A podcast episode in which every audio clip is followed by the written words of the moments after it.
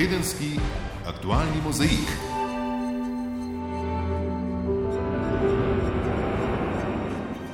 Spoštovane poslušalke, cenjeni poslušalci, lepo pozdravljeni. Korona, COVID, epidemija, ukrepi, okuženi, oboleli, umrli so izrazi, ki že nekaj časa prevladujejo v našem vsakdanjem življenju. Kar nekako navadili smo se že na nje, kot smo morali sprejeti nošenje mask in omejitve gibanja, ki jih nekateri enačijo kar s policijsko uro kot da ne bi bilo izjem za tiste, ki po noči res morajo v službo ali na kakšno drugo nujno pot, za kar seveda imajo vsa potrebna potrdila. Ali preskok z 537 okužb v nedeljo na več kot 1500 v torek in skoraj že 2000 včeraj ne bi bil dovolj dober razlog za umik za domače zidove, razen če si kdo prav želi poskusiti, kako izgleda dihanje s pomočjo ventilatorja. Nekateri bodo pač vselej našli povod tudi za proteste proti še tako utemeljenemu ukrepu, čeprav s tem ogrožajo vse okrog sebe, če jih že za lastno zdravje ne skrbi pretirano. A z naraščanjem števila okužb se povečuje tudi potreba po zdravljenju v bolnišnicah, ki širijo svoje COVID zmogljivosti, vedno večje pa so težave s pomankanjem zdravstvenih kadrov, ki bi priskočili na pomoč že do dobra izmučenim kolegom. Od danes oziroma od ponedeljka bo javno življenje v Sloveniji za en teden skoraj popolnoma ugasnilo. Ukrepe je v četrtek zvečer predstavil predsednik vlade Janez Janša, ki je med drugim dejal, da bo en teden v državi podobno, kot je bilo spomladi. Prihodni četrtek ali petek bo vlada sprejela, eh, naredila oceno in se odločila, ali jih podaljšamo, ali jih prekličemo, ali jih eh, omilimo. Že na začetku tedna se je oglasil predsednik države Borod Pahor, ki je v nagovoru državljanom sporočil, da od pomladi, ko smo epidemijo razglasili prvič, žal še nismo izvedeli vsega o virusu, vemo pa, da smo se sposobni skupaj uspešno spopasti z njim. Med drugim je še dejal. Do tja je pred nami težka, verjetno zelo težka pot, a prehodili jo bomo skupaj in nikogar ne bomo pustili zadaj. Pomagali si bomo tako, da bomo skrbeli zase in eden za drugega. Zdaj je solidarnost dobesedno življenskega pomena. V tem smislu smo neskončno hvaležni vsem, ki tvegajo svoje zdravje za zdravje in kolikor toliko normalno življenje drugih. Lahko jim pomagamo samo tako, da dosledno spoštujemo navodila in priporočila pristojnih oblasti in služb. Zdaj smo dejansko življensko odvisni drug od drugega. Od ponedeljka bodo med drugim zaprti tudi vrtci, a s pomembno izjemo. Vsem otrokom, katerih starši bodo prihodnji teden morali delati, bodo zagotovili varstvo. Ob tem v oči bode neodgovorno in menda tudi neosamljeno ravnanje enega od staršev, ki je po besedah ravnateljice radovliških vrtcev Marija Čat prišel v vrtec. Vidno drugačen, na ne jim pripelje otroka, katerega je prišel čez par ur iskati in saj, hvala Bogu, povedal, da je dobil izvid, da je pozitiven. Zgodilo pa se je tudi, da so starši otroke pripeljali v vrtec kar med čakanjem na izvid testa. Razmere povezane z epidemijo so sicer zaskrbljujoče ne le pri nas, temveč tudi drugot po svetu. Okuženih je tudi vse več znanih osebnosti, med njimi naprimer polski predsednik Duda. Na razširjenem rdečem seznamu pa se je že znašla tudi večina obmejnih regij naših sosednjih držav. Dodajmo še svežo današnjo novico. Srečko Šestano je bilo preklicano pooblastilo za vodenje urada za operativo, ostaja pa poveljnik civilne zaščite. Na ministrstvu za obrambo pojasnjujejo, da ne gre za nezaupanje Šestanu, pač pa ga želijo le razbremeniti, da bi se lahko v celoti posvetil vodenju civilne zaščite. Premestili ga bodo tudi v kabinet ministra za obrambo Mateja Tonina. V današnji oddaji se bomo sicer posvetili še 75. obletnici Združenih narodov, predsedniški tekmi v ZDA, evropskemu dogovoru o kmetijski reformi in vplivu protikoronskih ukrepov na šport. Veliko zanimivega vas torej čaka, zato tudi prihodnje uro ostanite v družbi prvega programa Radia Slovenija. Tedenski aktualni mozaik. V zdravstvu in domovih za starejše so se s kadrovsko in prostorsko stisko srečevali že v času pred epidemijo, zdaj so se znašli na robu zmogljivosti, epidemija pa je razgalila vse težave našega zdravstva in skrbi za starejše. Prisluhnimo prispevku Alenke Terlep. Ob dramatičnem naraščanju števila okuženih je glavna težava postala pomankanje osebja, ki bi oskrbovalo bolnike. Največji bolnišnici v državi sta se tako že odločili zaustaviti nenujne storitve. Vodja oddelka intenzivne terapije infekcijske klinike dr. Matjaš Jereb o osebju. je leta že sedaj izčrpan in moji sodelavci dejansko delajo na robu zmogljivosti. Seveda v tem tempu bo potrebno nadaljevati in upam, da bomo nekako zdržali. Določen del kadra sicer se bo še preusmeril iz ne-COVID dejavnosti na COVID dejavnost, ampak tu moramo nekako iskati in loviti ravnotežje med eno in pa drugo patologijo. Mariborski UKC zaposlene prerasporeja iz vseh programov, vendar tudi teh zmanjkuje, zato že pozivajo na pomoč vse zdravstvene ustanove. Bolnišnice iščejo tudi upokojence, brezposelne, koncesionarje, zasebnike in tudi študente višjih letnikov medicine oziroma zdravstvene nege. Mariborski UKC prehaja v tretjo fazo. COVID bolnike nameščajo na ginekološko, infekcijsko in druge prostore. Rezerv nimajo več. Dežurajo ljudje iz kardiologije in anestezijo fiziologije, to pa pomeni direktor Matjaš Vogrin. Pomeni bistveno nižanje standardov pri obravnavi pacijentov, najprej zaradi neadekvatnega kadra, ki je tja razporejen, nekompetentnega v smislu, da niso posebej usposobljeni za to delo, in kasneje zmanjšanja števila tega kadra. Tega kadra bo vsak dan manj. Zato poziva na pomoč vse ustanove, kjer nimajo COVID bolnikov, kjer še vedno izvajo elektivne in preventivne programe. Smatramo, da je v tem primeru nujno potrebno delegirati tudi strani ministerstva in vse kadre razporediti v ustanove, kjer se borimo za življenje pacijentov. Skratka, tu ne gre za zdravje pacijentov, ampak se borimo za življenje pacijentov. Tudi direktor klinike Golnik in koordinator strokovne skupine za domove za starejše na Gorenskem Aleš Rozman poziva k takojšnji pomoči. Kadrov posod primankuje.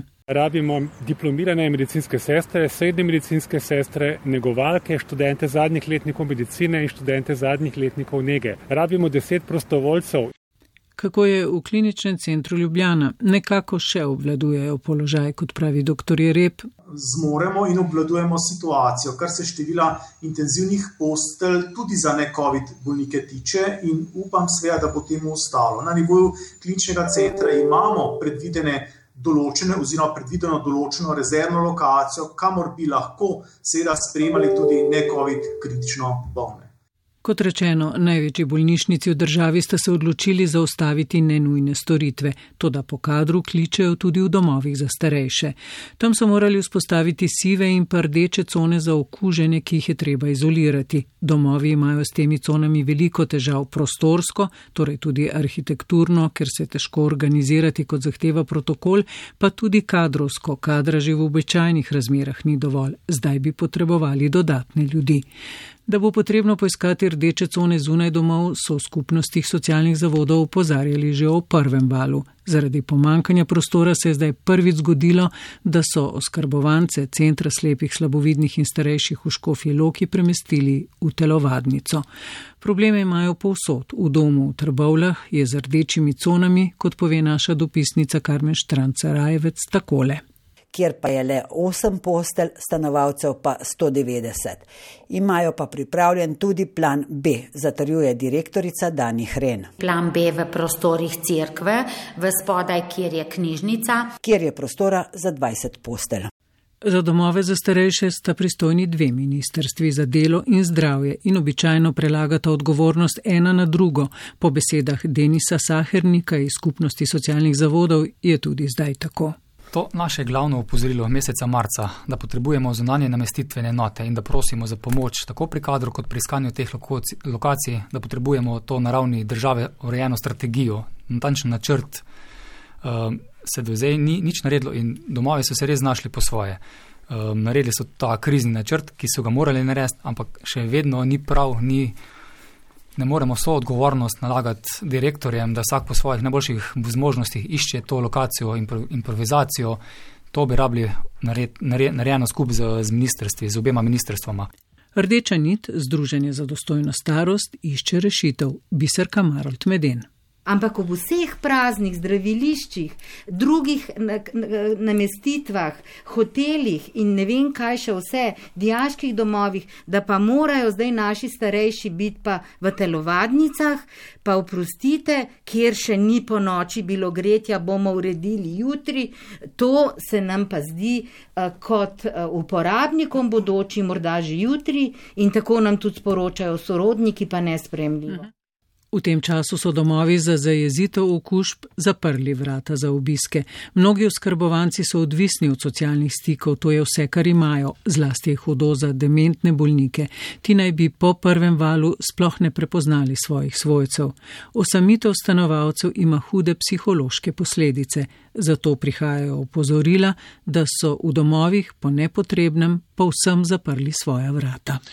Uspeh v boju s COVID-om se v Sloveniji, kot praktično v vseh evropskih državah, še ni prevesil na našo stran. Število okužb narašča, kar skrbi še bolj, pa je seveda naraščanje števila tistih, ki morajo pomoč poiskati v bolnišnicah, nekateri od njih končajo tudi na intenzivni njegi. Sicer smo samo včeraj zabeležili skoraj 2000 okužb, umrlo pa je kar 19 ljudi.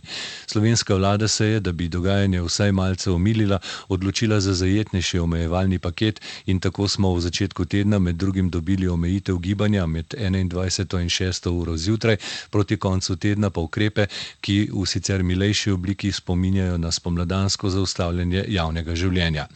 Po kakšni poti pa se bomo odpravili naprej, bo znano proti koncu prihodnjega tedna. Tomaš Celestina. V nov teden smo stopili precej kaotično, ko gre za vladno sporočanje, kam plujemo.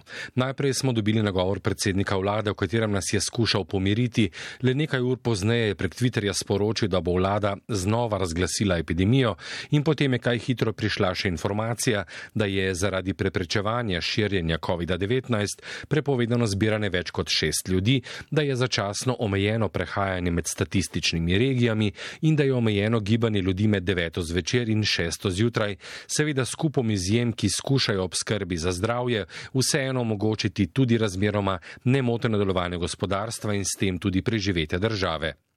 O precej divjih številkah pa je bilo treba krok opozarjanja in zaostrovanja v drugi polovici tedna zavrteti še enkrat. Predsednik vlade Janez Janša. Številke rastejo in bodo še nekaj časa rasle. Zaradi tega je v tem trenutku tudi Eh, bistveno prezgodaj za oceno, ali so eh, splošni ukrepi, ki smo jih sprejeli, kot je obvezno nošenje mask posod ali omejitev gibanja eh, po noči, bistveno ali pa v zadostni meri prispevali k omejitvi širjenja. Ob tem pa opozorilo, ki bi težko bilo jasnejše. Pred nami je naslednji teden, ki bo teden boja za zaustavitev širjenja virusa Eh, med nami. Ta teden bo izjemnega pomena za to, da eh, širjenje epidemije zajezimo. Pa se najprej lotimo gospodarstva oziroma tega, kar večina od nas opazi najprej, trgovin in podobno.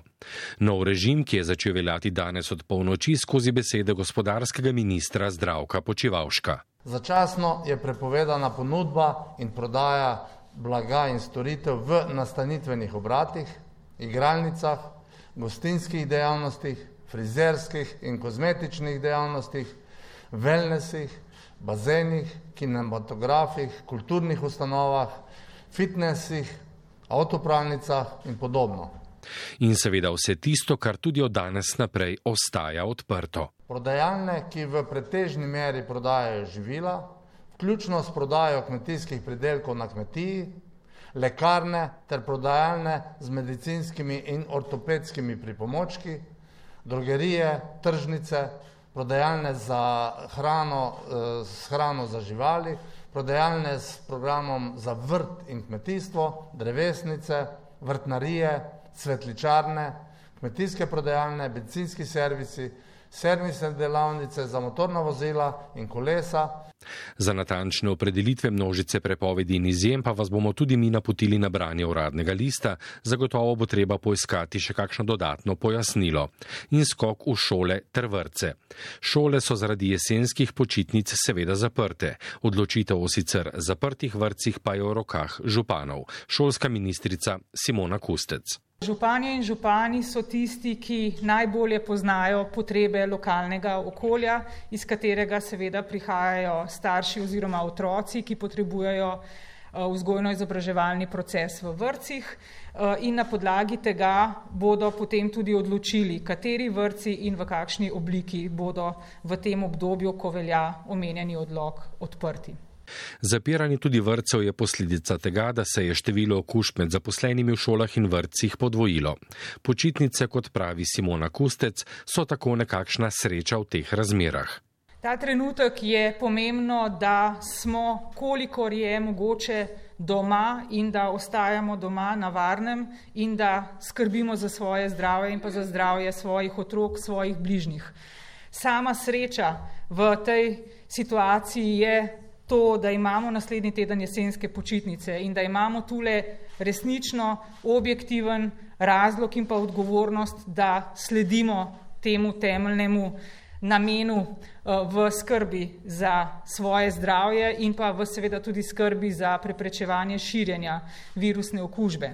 Ob ministričenem pozivu županom pa gre omeniti še poziv predsednika vlade Jana Zajanše, namenjen gospodarstvenikom. Da se organizirajo tako, da tam, kjer je le možno, delo poteka od doma, tam pa, kjer to seveda ni možno, še posebej eh, ne v industriji, pa da se striktno upoštevajo vsi eh, preventivni ukrepi za eh, preprečevanje širjenja virusa. Za zdaj tako ostajamo zaprti v svoje statistične regije. Po 9. uri zvečer pa, poenostavljeno rečeno, velja policijska ura, a ima tudi tak kup izjem, kot so seveda nujni opravki, pa prihodi na delo in odhodi, recimo tudi dostava hrane na dom. Oceno, kako uspešen bo ta paket, bo, kot pravi vladni govorec Jelko Kacin, vlada sprejemala prihodni teden, je pa vmes možna tudi kakšna zaostritev. Vlada vsak dan spremlja eh, število novo okuženih, posebej spremlja razmere v posameznih občinah. Če bi se v kateri občini zadeve drastično poslabšale, bo vlada razmišljala tudi o tem, da se vzpostavi popolna zapora tudi kakšne občine, če pa se bodo razmere še bolj slabšale, pa bo morala razmišljati tudi o drugih ukrepih. O zapiranju znotraj meja občin, kar je bil spomladi najbolj osovražen ukrep, po besedah premijeja Janše vlada še ni razpravljala. V zvezi z uh, aktiviranjem tega ukrepa bo uh, odločeno v naslednjih dneh, ko bomo mogoče imeli še kakšne dodatne številke in bomo lahko videli, ali je ta ukrep dejansko nujen v tej fazi. In za konec tudi nam ostane samo nekaj. Pazite na se in ostanite zdravi. Koma je začel veljati peti paket blaživcev epidemije, nastaja že šesti in tudi tega bi morali sprejeti čimprej, pravi vodja svetovalne skupine dr. Matej Lahovnik. Šesti paket bo nadgradnja petega, morda bodo dodani še kakšni ukrepi, ki jih doslej ni bilo. Cilj vseh je ohraniti zaposlenost. Z Matejem Lahovnikom se je pogovarjala Zdenka Bakalar. Ohranitev delovnih mest zlasti v panogah, ki imajo prepoved ali omejitev poslovanja, to je osnovni cilj šestega paketa pomoči, odkrije dr. Matej Lahovnik. Poleg tega pa se seveda še naprej ohranjajo ukrepi iz protikoronskega paketa 5, ki so pomembno izboljšali dohodkovni položaj nekaterih skupin, gre predvsem za temeljni dohodek za samozaposlene in za kmete v višini 1100 evrov mesečno, od česar gre dejansko 400 evrov, okrog 400 evrov za prispevke. E, tako da ti ukrepi, ki so v e, dosedanjih paketih, predvsem v tem zadnjem, ki začenja veljati danes, veljajo, v šestem se bo še pa nadgradilo nekatere ukrepe, predvsem zaradi situacije, kakršna je, ker vemo, da zdaj pa dejansko je nekaterim podjetjem predvsem v industriji srečanj, v turizmu, v gostinstvu prepovedano ali pa zelo omejeno poslovati. Pogoji za čakanje na delo bodo milejši od trenutnih, bolj podobni tistim iz marca. Takrat je bilo recimo pri ukrepu čakanje na delo možnost, da so podjetja dobila sorazmerno višji znesek, kot pa potem v protikoronskem paketu 3, ki je veljal od meseca junija dalje.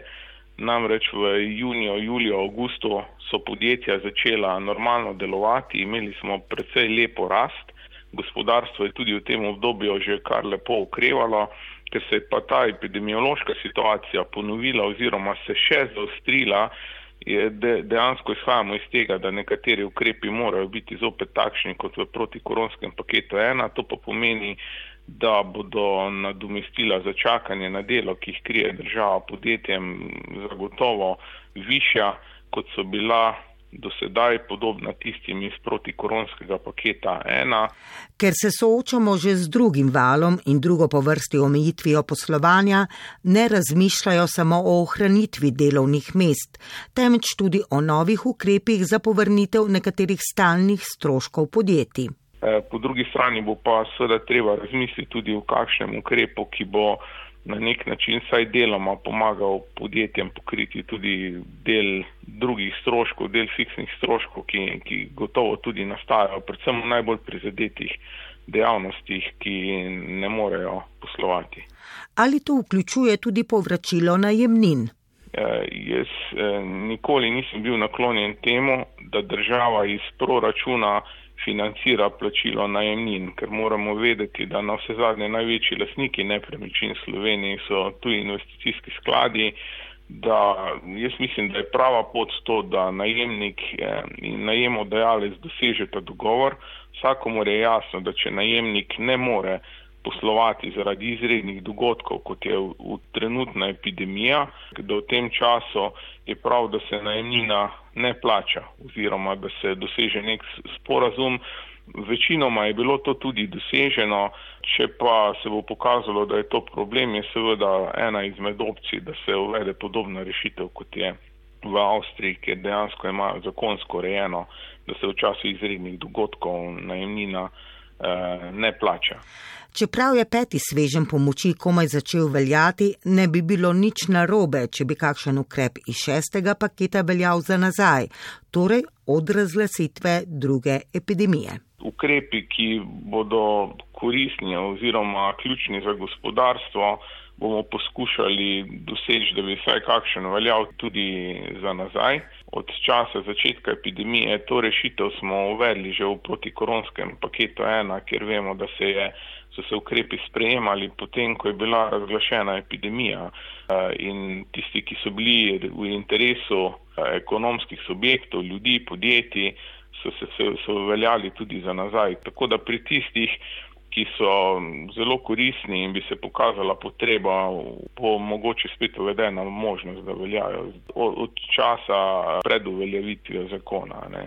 Nekatere ukrepe, naprimer moratorij na odplačilo posojil, bi bilo treba podaljšati, našteva dr. Lahovnik. E, razmišlja se o tem, da bi se podaljšala ta možnost moratorija na kredite in da bi se tudi absolutno podaljšal ukrep subvencioniranja skrajšanega delovnega časa eh, nekje vsaj do sredine prihodnjega leta, ker situacija je res nepredvidljiva in težko je verjeti, da se bo recimo že v letošnjem letu ta kriza oziroma epidemija zaključila. V, bistvu se moramo držati načela, da upamo na najboljše in se pripravljamo na najhujše.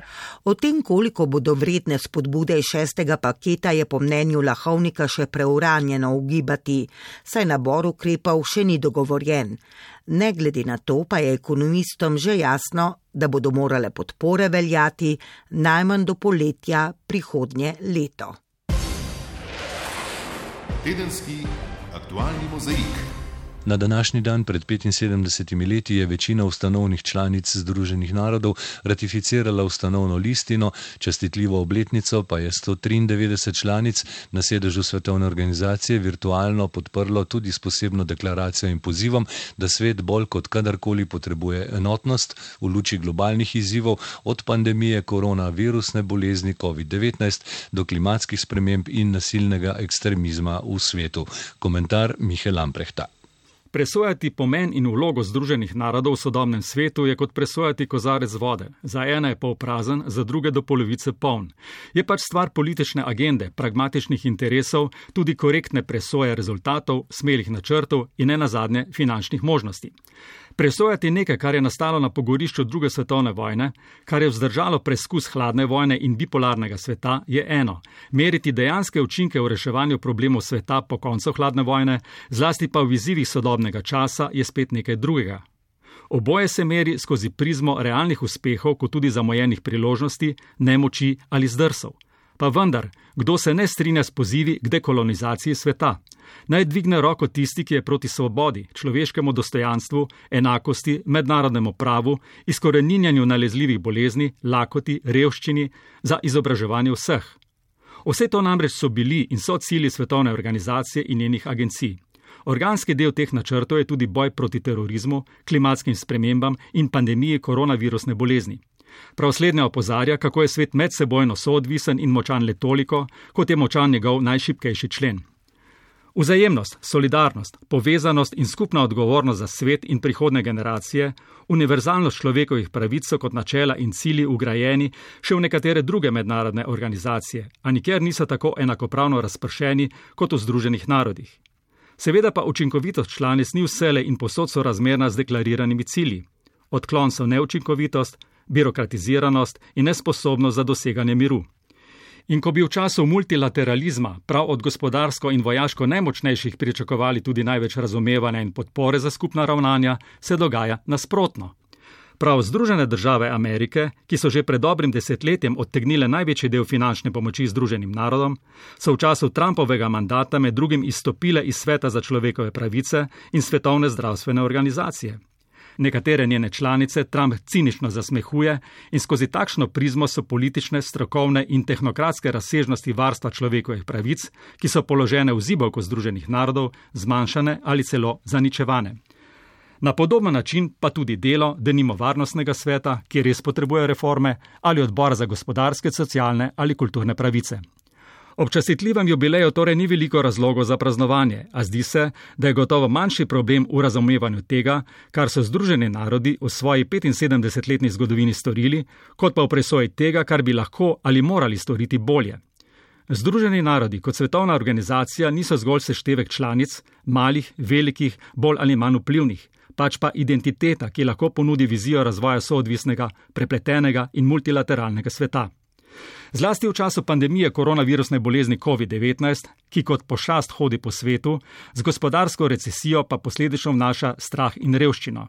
Kot oblišna rano je ob današnjem jubileju nedvomno pomenljiva tudi letošnja Nobelova nagrada za mir svetovnemu programu Združenih narodov za hrano za prispevek v boju proti lakoti, ker med drugim s tem preprečuje uporabo lakote kot orožje v vojnah in spopadih.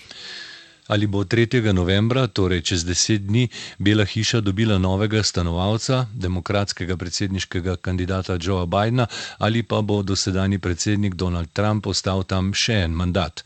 Tudi drugo in hkrati zadnje televizijsko soočenje predsedniških kandidatov v Nešvilu ni dalo dokončnega odgovora na to vprašanje.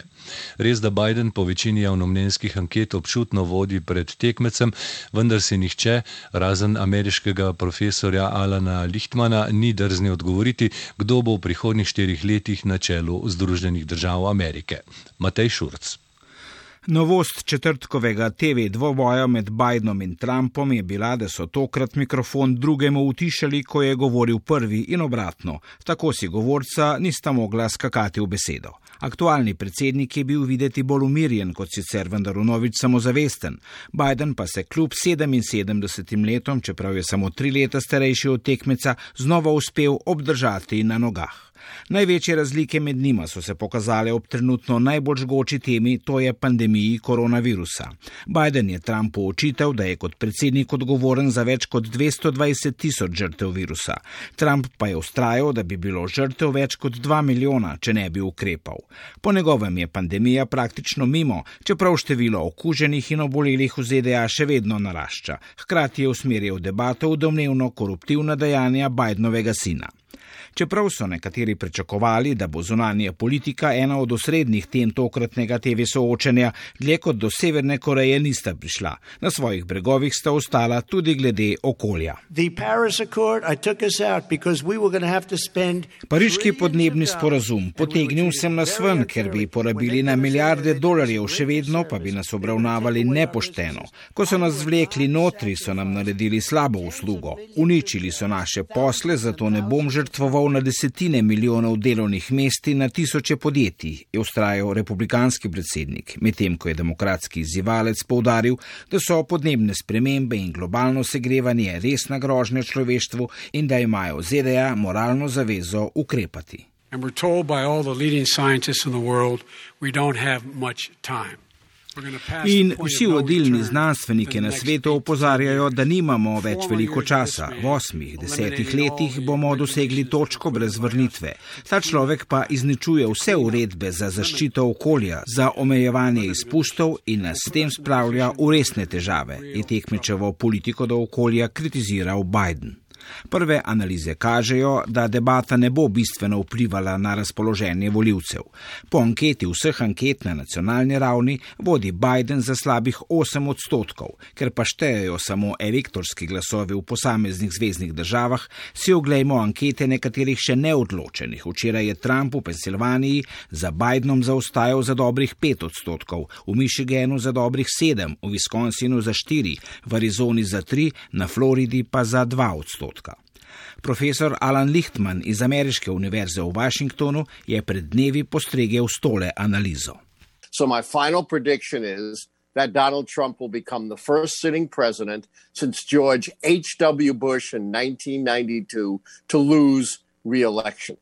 Moja končna napoved je, da bo Donald Trump postal prvi predsednik po Georgeu Bushu starejšem, ki ne bo ponovno izvoljen. Tako profesor Lichtman, ki je kot eden redkih pravilno napovedal, da bo Donald Trump zmagovalec predsedniških volitev leta 2016. Vrstijo se tudi špekulacije, kaj pa če se preštevanje glasov zaplete, kot pred 20 leti med dvobojem Bush-Gor, ko je v novem predsedniku dokončno razsodilo šele vrhovno sodišče. V ta namen so republikanci republikanci pohiteli in mimo vseh pravil, ki so se jih sicer sami postavili, ustoličili konzervativno kandidatko Amy Coney Barrett na položaj vrhovne sodnice. V četrtek jo je o bojkotu demokratov potrdil senatni odbor za pravosodje, v ponedeljek bo po pričakovanjih potrdil še senat. Kaj pa, če se Trump kljub zmagi nasprotnika ne bo hotel spraviti iz bele hiše, kot je že večkrat sam zagrozil? To so za zdaj samo špekulacije. Tistim, ki bi Trumpa radi čim prej videli kot politični, političnega upokojenca, pa za to lažbo ostaja pregovor: pes, ki laja, ne grize. Reforma skupne kmetijske politike, o kateri že več kot dve leti tečejo razprave in pogajanja, je ta teden dosegla kompromis na ravni Sveta Evropske unije za kmetijstvo in glasovanje reformnega paketa treh uredb v Evropskem parlamentu. Najpomembnejša razhajanja ostajajo pri vprašanju deleža ekoshem v sklopu neposrednih plačil in obvezni okoljski delež v drugem stebru kmetijske politike. Jernej Kadrolec je za komentar doseženega dogovora na svetu kmetijskih ministrov prosila Emila Rjavca, uglednega agrarnega ekonomista z biotehniške fakultete Univerze v Ljubljani. Potrebno je povedati, da je praktično isti dan tudi Evropski parlament na plenarnem sestanku zaključil ali pa sprejel svoje stališče, tako da imata tako svet Evropske unije kot Eh, Evropski parlament zaključeno to etapo in sedaj se pričenja trolog. To pomeni, da bo še s komisijo skupaj bodo poslanci in ministri poskušali doseči dogovor uh, o reformi. Reforma je v bistvu na isti valovni deležini oziroma usmeritvi, ki jo je že zastavila Evropska komisija.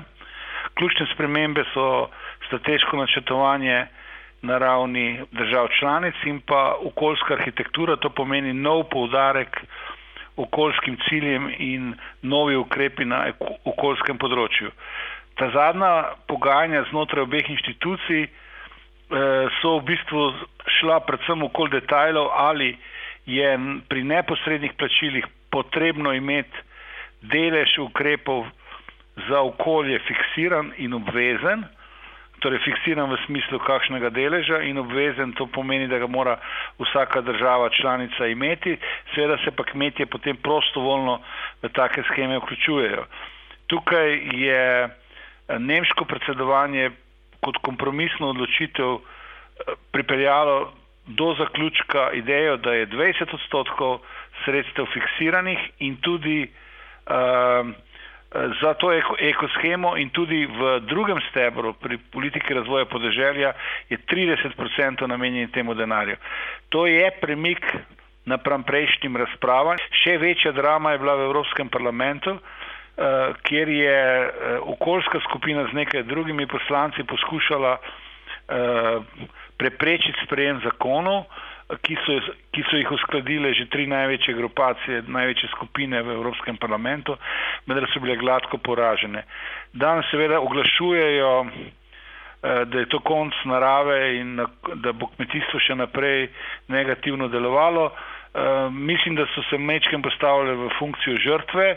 Uh, je, pa, je pa dejstvo, da je pač to politična realnost in da Evropa ni razrešila svojega ključnega konflikta na področju kmetijske politike, to je ali je to politika za kmete ali je to politika za družbo, kar bi seveda pomenilo eh, politika, ki večjo mero usmerja eh, svoje sredstva in ukrepe v smeri okolja, narave in dobrobiti eh, živali. Kaj pa pomeni za Slovenijo doseženi dogovor? Slovensko ministrstvo je z doseženim zadovoljno, kaj pa kmetje so lahko zadovoljni? Torej, eh, Slovenija preko svojih stališč je bila sorazmerno minimalistična v svojih ciljih. Predvsem si je prizadevala, da bi pogoji znotraj danega koncepta bili manj rigorozni in tu je seveda kompromisno odločitev je v tej smeri. V nekaterih točkah eh, se je nekoliko mm, zmanjšala, vendar to ni radikalna sprememba, eh, gre predvsem za manj dela za eh, državno uradništvo. Kmet tega ne bo občutil. Eh, moramo reči, da je za kmete, torej za kmetijske predelovalce, kljub vsemu gre za precejšno spremembo, ker ti spremenila se bo politika neposrednih plačil, zaostrili se bojo pogoji za pridobitev okoljskih subvencij, ampak to je pričakovano, Spremembe gredo v napovedano smer, vendar daleč od korenitega zasuka v odnosu do kmetijstva in kmetijske politike, kot jo poznamo. Kljub pričakovanjem, da bo predlog reforme skupne kmetijske politike odražal izkušnjo COVID-19, vsaj v močnejši vlogi pri tržnih ukrepih, pri zagotavljanju oskrbe ali ukrepih na področju upravljanja s tveganji, pa kakšnih večjih skupnih ukrepov v trenutnem predlogu reforme ni. Dr. Rjavec ocenjuje, da je hitrost sprejetja do končne reforme odvisna od tega, ali bo nemškemu predsedovanju uspelo uskladiti različna stališča med svetom kmetijskih ministrov in parlamentom. V tem primeru bi bila reforma lahko sprejeta pred koncem letošnjega leta, sicer pa se prepiri lahko zavlečajo tudi do junija prihodnje leto. Papež Frančišek je v iztekajočem se tednu vzbudil pozornost tudi stališčem, da imajo istospolno usmerjeni ljudje pravico do zakonite partnerske zveze in do družine. Izjava je bila objavljena v dokumentarnem filmu, ki so ga premjerno predstavili na filmskem festivalu v Rimu. Kot ugotavlja naš tamkajšnji dopisnik Janko Petrovec, ne gre za novost, temveč za nadaljevanje papeževih prizadevanj za crkv, ki naj bo odprta za vse. Pričemer pa se je na ravni crkvene doktrine na tem področju doslej zgodilo bore malo. Janko Petrovec. Homoseksualni ljudje so božji otroci in imajo pravico do družine. Tako izjavlja Frančišek v istoimenskem dokumentarcu režiserja Eugenija Afinevskija, kjer dodaja, da se mu zdi partnerska zveza pravi okvir za to. Ostaja nejasno, v kakšnem kontekstu je papež izjavil predstavljeno misel, ter ali jo je režiser vzel iz konteksta in morebiti zmontiral po svoje. Vsekakor ne gre za novost v Frančiškovih nazorih, temveč kvečemu za njeno izostrenost, ki pušča malo prostora za drugačne interpretacije. In čeprav je papež tiskovni predstavnik do zaključka naše redakcije Movčev, je jasno, da uradni Vatikan Afinevskijev dokumentarec pozdravlja, ne samo zato, ker je nad njim navdušen šef Vatikanskega dikasterija za komunikacije Paolo Rufini. Dovolimo si špekulacijo v stari maniri razkopavanja po vatikanskih skrivnostih. Antonio Monda, direktor Rimskega filmskega festivala, kjer je bil dokumentarec prikazan premjerno, je brat Andrea Monda, direktorja Vatikanskega dnevnika Osservatore Romano. Namigujemo torej, da prvi najbrž ne bi v programu vrstil filma, ki bi ne bil pogodu bratovim šefom. Toda zresnimo se. Režiser Evgenij Afinevski je med predstavitvijo filma izpostavil papeževe vrednote. Tudi sam se je kot judovski otrok, rojen v Rusiji, vzgojen v Izraelu in živeč v Združenih državah, veliko naučil iz Frančiškove človečnosti in njegovih prepričanj. Izpostavlja, kako papež nikoli ne lepi oznak na ljudi, ter kako se tudi trudi, da bi preprečil diskriminacijo gejev, kot je tudi sam. Stvari se spreminjajo, vse več istospolno usmerjenih ljudi uspe najti svoj prostor prostor na crkvenih poteh vere, nobene potrebe ni več, da bi se skrivali v katakombah. Tako je ob predstavitvi filma povedal aktivist italijanske organizacije LGBT katoličanov Andrea Rubera, sicer eden od junakov dokumentarca. Rubera je rimljan, s partnerjem sta po poti nadomestnega materinstva postala očeta treh otrok, ki sta jih hotela vzgojiti v veri. Toda bala sta se, da ju bo domača fara zavrnila, zato je Rubera pred leti napisal pismo Frančišku. Tam mu je odgovoril s telefonskim telefonskim klicem in ga opogumil, naj se s partnerjem in otroki vrne v cerkev, saj da ga ne bo nihče podil iz nje, kar je tudi storil da partnerski zvezi in ne poroki, ki naj ostane samo za zvezo med možem in ženo. Takšno stališče je Bergoglio zagovarjal še kot načkov Buenos Airesa, kot papež pa ga je večkrat ponovil. Vzoru je, da nimo sledila tudi italijanska škofovska konferenca, ko leta 15 ni podprla shoda konservativnih nasprotnikov partnerske zveze med sprejemanjem področnega zakona v Italiji. Toda uradna vatikanska pozicija je še naprej drugačna. Nekdani prefekt za doktrino vere in na to papež Jozef Ratzinger je leta 2003 zapisal: Cerkev uči, da spoštovanje homoseksualnih oseb nikakor ne sme voditi k sprejemanju homoseksualnih dejanj ali k zakonskemu priznanju istospolnih zvez. Tega stališča doslej ni ovrgel še nihče. V krogih vatikanistov je prepričanje, da doktrinarnih sprememb na tem področju pred Benediktovo smrtjo ne bo zelo razširjeno. Tedenski aktualni mozaik. Ob delnem zaprtju države je bil tudi šport deležen omejitev. Z novim odlokom je šport dovoljen le še kategoriziranim poklicnim športnikom in članom prvoligaških klubov v kolektivnih športih. Začasno se ugaša mladinski in otroški šport ter rekreacija z izjemo dejavnosti članov istega gospodinstva, individualnih športov in športov, v katere je vključenih do šest posameznikov, ki ohranjajo medsebojno razdaljo. Nekaj ključnih dilem in izzivov, ki so pred športno sfero in vodstvo vodstveno strukturo v naslednjih minutah izpostavlja Boštjan Rebršak. Športu prilagojenih okoliščinah ostaja v družbi, a ob tem se poraja vprašanje o njegovi ureditvi. Gibalne sposobnosti mladine so zaskrbljujoče, stroka opozarja na viden upad sposobnosti v prvem valu, ki bi se utegnil še poslabšati v trenutni situaciji. Profesorja na fakulteti za šport, dr. Gregor Starc in Gregor Jurak opozarjata.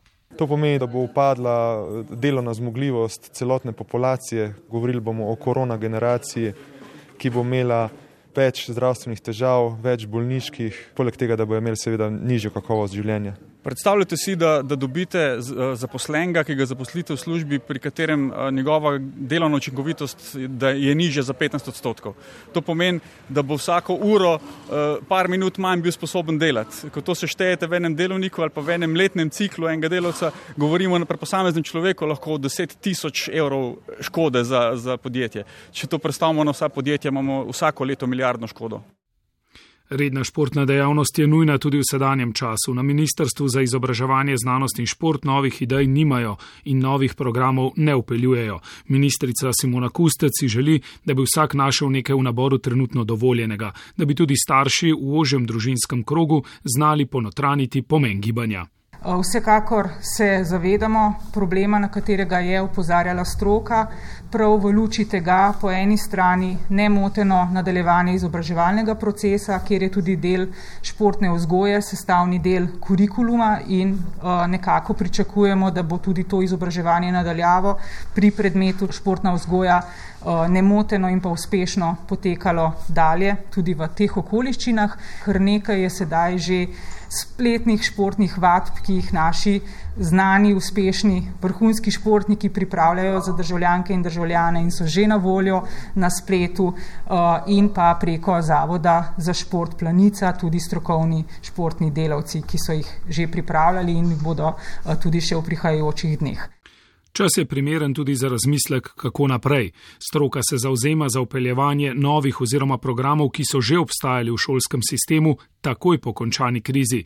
Z njimi bi omogočili odpravo nesorazmeri, ki so se pojavila v času epidemije. Velika večina otrok je v tem času, še posebej šolanja na domu, močno nazadovala. Poprečju so se sposobnosti zmanjšale celo za 13 odstotkov, delež debelih otrok se je povečal za 20. Dr. Gregor Jurak.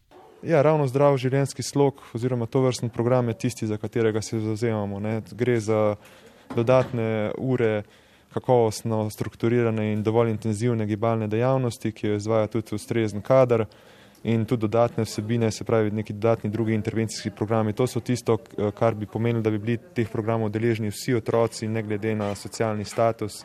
Zato je šola edini primern prostor, kjer lahko to izvedemo. Dileme o vlogi športa se ne pojavljajo samo v Sloveniji, tudi na Hrvaškem. Zelo dobro je povzel stanje v sosedskih državah Lino Červar, selektor hrvaške rokometne reprezentance, ki jo je popeljal na olimpijski in svetovni vrh.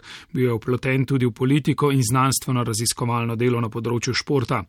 Na Hrvaškem, kjer je šport našel svoje mesto na Ministrstvu za šport in turizem, so razmere precej boljše kot v Sloveniji, tako po vložku države kot pri organiziranosti, a vseeno stroka ni tiho. Države prisvataju naše uspjehe, ali činjenica je da dovoljno se ne daje značaj sportu. Države nam priznavajo športne uspehe in uložen trud, ampak občutek imam, da šport izgublja svoj značaj. Projekt Erasmus Evropske unije govori o tem, da je potrebno ustvariti pogoje za delo. Država kot država zapravlja denar po svoje in ne ceni športa, čeprav ima pomembno mesto v družbi. Da ne naštevam vseh prednosti, ki jih prinaša šport. Humanistično, etično, komunikacijsko, vzgojno, kulturno. Pozablja se, da smo visok jez proti kajenju, drogam, internetu in sodobnemu sedečemu načinu življenja. Šport ima svoj kurikulum od izobraževanja do kulture. Tu ne gre samo za tekanje za žogo po igrišču. Zelo pomembno je, da se športom ukvarjajo naši otroci in da je šport na dnevni bazi del športno-vzgojnega procesa. Dokazano je, da ukvarjanje športom ne vpliva samo na telesni razvoj. Sport razvija inteligencijo kod djece, da ta broj sinapsi se povečava, neurona, tako da mislim da mi nedovoljno uh, argumentirano nastupamo prema javnosti. Šport želi biti slišan, opozarja na posledice, ki jih ne bo moč popraviti v kratkem obdobju. Predsednik Olimpijskega komiteja Slovenije Bogdan Gabrovec si želi vse splošnega sodelovanja na vseh področjih. K športnim dejavnostim, ki smo izvajali v normalnem stanju, se bomo vrnili zelo hitro, če bomo sodelovali in upoštevali tudi eh, zdravstveno stroko. In verjamem, da bo ta zdravstvena stroka v prihodnosti upoštevala tudi športno stroko, da bo šport tisti dejavnik, ki bo uspel eh, doprinesti k temu, da bo zaradi športa eh, epidemiološka slika v Sloveniji boljša. Ne samo vrhunski šport, ampak šport nasploh želi biti del rešitve. Načina doslej v Sloveniji še nismo našli. Rešitev samostojnega ministerstva ali tako kot v primeru Hrvaške združenega s turizmom je za zdaj zgolj želja. A že na primarni ravni šport potrebuje širši razmislek in sodelovanje vseh deležnikov. Dr. Gregor Starc. Slovenija bo morala počrpati zelo veliko sredstev za okrevanje. Za okrevanje gospodarstva in tudi vlaganje v šolski sistem in šport eh, dejansko pripomore k okrevanju gospodarstva. Če bo politika to razumela, bo namenila nekaj denarja šolam, namenila nekaj denarja društvom in programom, da bodo lahko izpeljale tisto, kar želijo. In sicer, da bodo vsakmu otroku ponudili uro športa na dan, ki bo strokovno na visokem nivoju. To si naša država lahko privošči. To je v primerjavi s sredstvi, ki jih dajemo v, za okrevanje gospodarstva, pravi drobiš. Drobiš, ki bi bil še kako pomemben ne samo za razvoj vrhunskega športa, ampak predvsem zato, da bi imela Slovenija zdravo družbo v vseh pogledih, dostopnost do športa vseh državljanov in da se bodo v prihodnosti, tudi naslednje generacije, lažje spopadale življenskimi izzivi, kot je trenutna situacija. Tedenski aktualni mozaik.